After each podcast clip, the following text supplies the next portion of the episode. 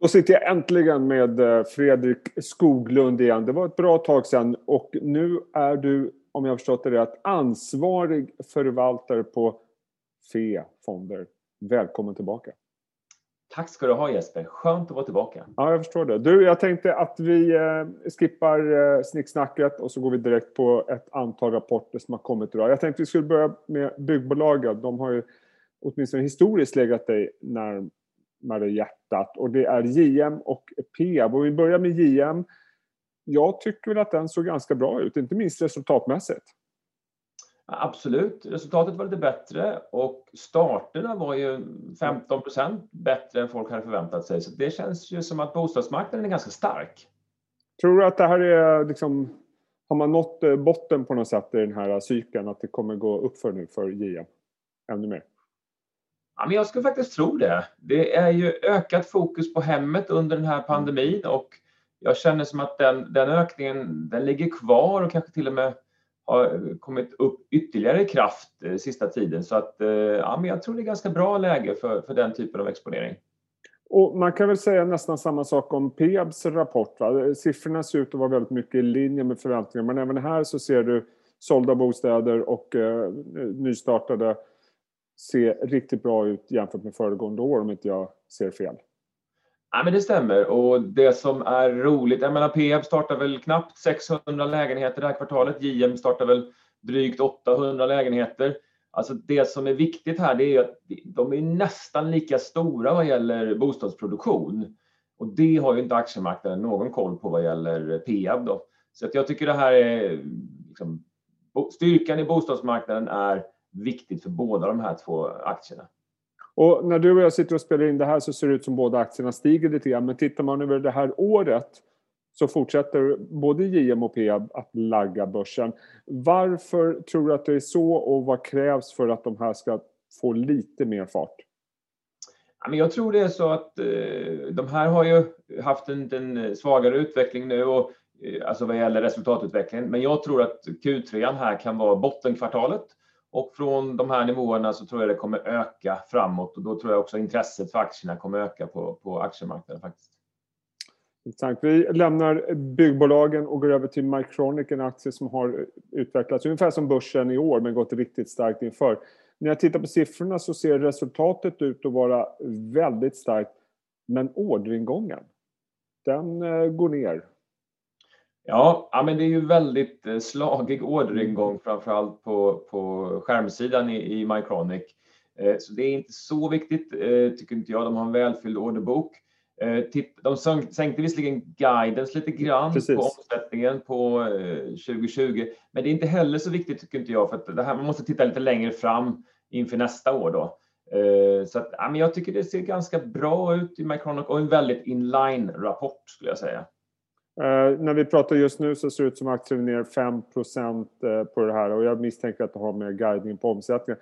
Intressant är när man tittar på aktien och uh, analytikers rekommendationer. Det är all over the place. Det är både köp och sälj och neutralt på. Det verkar vara en aktie som är väldigt spridda åsikter om. Ja, men det är det ju och eh, vilket är intressant.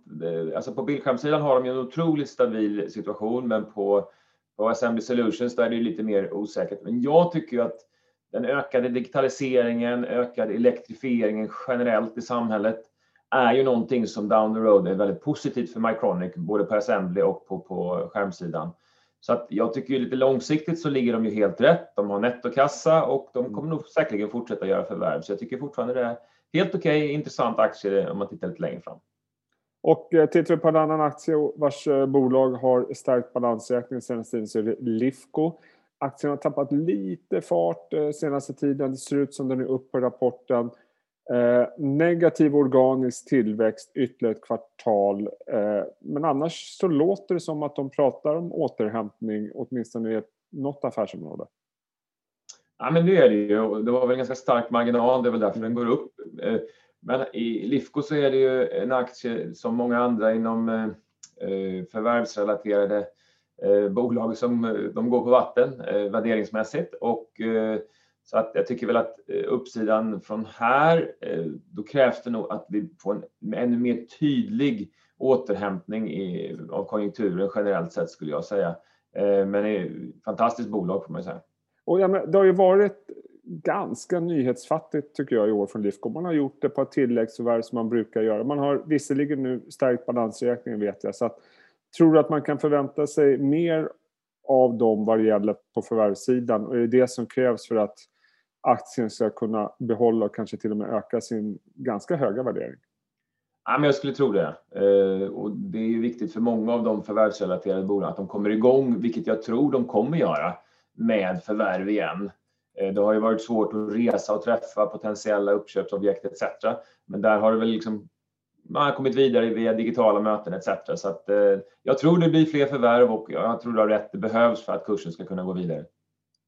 Eh, och så går vi över till eh, Nent, Nordic Entertainment. De har ju då gynnats av Corona, det ser man inte minst i siffrorna via Play. Eh, eh prenumeranter, man kallar det för, ökar. Eh, även i det här kvartalet. Jag tycker det ser ut som att organiska tillväxten är bra. Resultattillväxten är ännu bättre. Är det en bra rapport?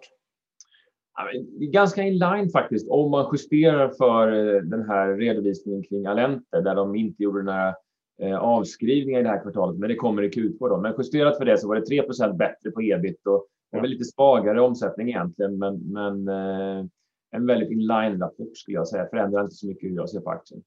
Samtidigt så annonsintäkterna var ner som förväntat i kvartalet men det ser ut som nedgången har bromsat in lite grann. Det borde vara en bra signal om inte annat.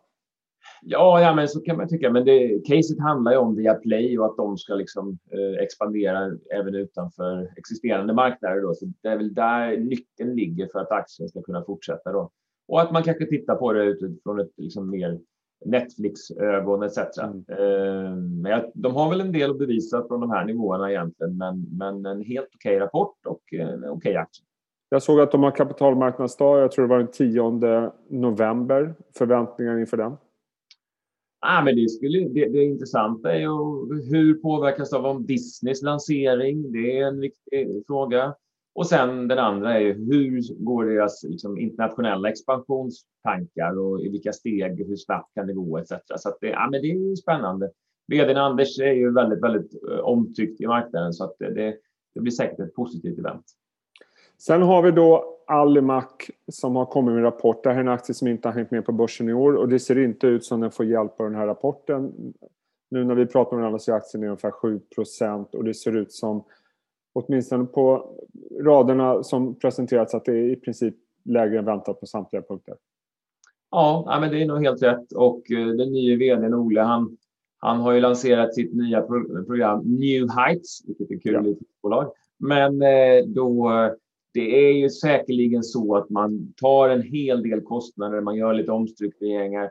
Det är ju inte nu Alimax ska vara liksom i bäst form, mm. utan det är lite längre fram. Så att, eh, jag tycker det var ganska odramatiskt egentligen. Eh, inte så förvånande att siffran var lite sämre. Och eh, ska man titta på den här aktien så är det väl nu då om man, om man tror att bygg ska vara en, en viktig drivkraft för att få, få tillbaka konjunkturen ja, men då kommer det ju gynna eh, Alimak och bygghissarna down the road. Så att, eh, men det kanske är ett lite längre case eh, här och nu. Ja, för det känns ju ändå som du var inne på. Jag menar, vi har pratat mycket du och jag tidigare om finanspolitiska åtgärder. Eh, att det kan, nästa våg av det kan påverka infrastruktur och byggande. Här har vi dessutom ett bolag som då har genomför, genomför ett omstruktureringsprogram som jag tror det var, var det 60 miljoner kronor det skulle vara på eh, sparas in. Tror man på det här? så borde det väl kanske vara som du säger ett bra läge att eh, handla i en aktie som har laggat.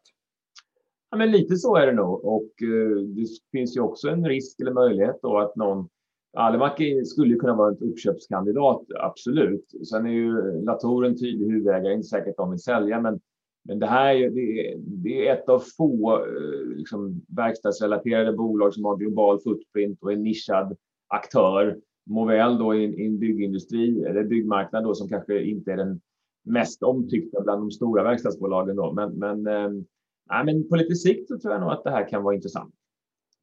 Sen har vi Munters. Eh, de eh, chockade världen med en riktigt stark Q2-rapport, visst var det så? Och aktien har gått busstarkt under hösten här och nu kommer en rapport som ja, jag tycker ser bra ut. Det är väl ja. inget att, att klaga på där. Nej, lite bättre på alla rader egentligen och eh, vdn, nye vdn Claes, han fortsätter leverera på ett bra sätt och eh, belåningen är fortfarande ganska hög, två och en halv gånger. Eh, men eh, den går i alla fall åt rätt håll, ner lite grann eh, från innan. Så att, eh, nej, men, men, men, kanske krävdes en bra leverans eh, med tanke på hur kursen har gått. Ja, det tycker jag i alla fall när man tittar på det så ser det ut att vara ganska hög värdering för den här typen av bolag. Frågan är om det räckte det här resultatet. Så tror du, är det här en aktie som du skulle köpa till din fond? Ja, men jag tycker det är spännande, speciellt när man läser det, det, står, det står tech i var och varannan mening, vilket är spännande. Eh, ja. Foodtech och sådär. Så, ja, men det är ju, de är ju inne inom intressanta områden. Sen har de ju haft sina problem historiskt eh, inom eh, eh datoriet och sådär liksom. Men det har de ju adresserat. Så att, nej, men det är svårt att avgöra faktiskt. Eh, jag skulle vilja se ett par kvartal till med bra leverans. De har ju historiskt sett jobbat väldigt mycket justerade resultatsiffror och eh, men det ser, de går åt rätt håll i alla fall. Det går åt rätt håll. Eh, bra, det var dagens rapport. Jag tänkte fråga dig när jag ändå har det på tråden. Eh, överlag, än så länge en bra rapportperiod får man väl ändå säga. Vi har haft alla de här omvända vinstvarningarna som vi har ältat. Men det känns som börsen ändå inte gör vågen när de här rapporterna kommer in. Det krävs ganska mycket för att övertyga börsen tycker jag. Det, det, det är inte så våldsamt många aktier som har gått upp på sina rapporter. Nej, men så är det ju. Och det är ju för att börsen har gått så starkt innan här såklart. Så det krävs nog något lite extra för att man ska kunna gå upp även eh, efter en sån här uppgång. Då. Så att, eh, ja, men det är väl där vi står här och nu egentligen. Och sen är det massa osäkerheter med ökad coronapandemi, framförallt i Europa och sen valet i USA och, och alla andra geopolitiska orosmoment. Så det är, det, är, lite svårt att veta vad som styr. Ja, så att en, en viss välmotiverad kanske oro eh, inför eh, Q4-rapporterna? Ah, men det tror jag. Lite paus i alla fall och så mm. får man se hur centralbanker och regeringar etc. agerar och, och framförallt hur man agerar nu med ökad eh, coronaspridning. Ja. Det får bli slutordet den här morgonen. Jag vet att du ska rusa iväg och titta på skärmarna hela dagen. Eh, kul att se dig igen Fredrik. Du detsamma Jesper. Ja. Ha det bra. Sköt om dig. Tjena. Tjena.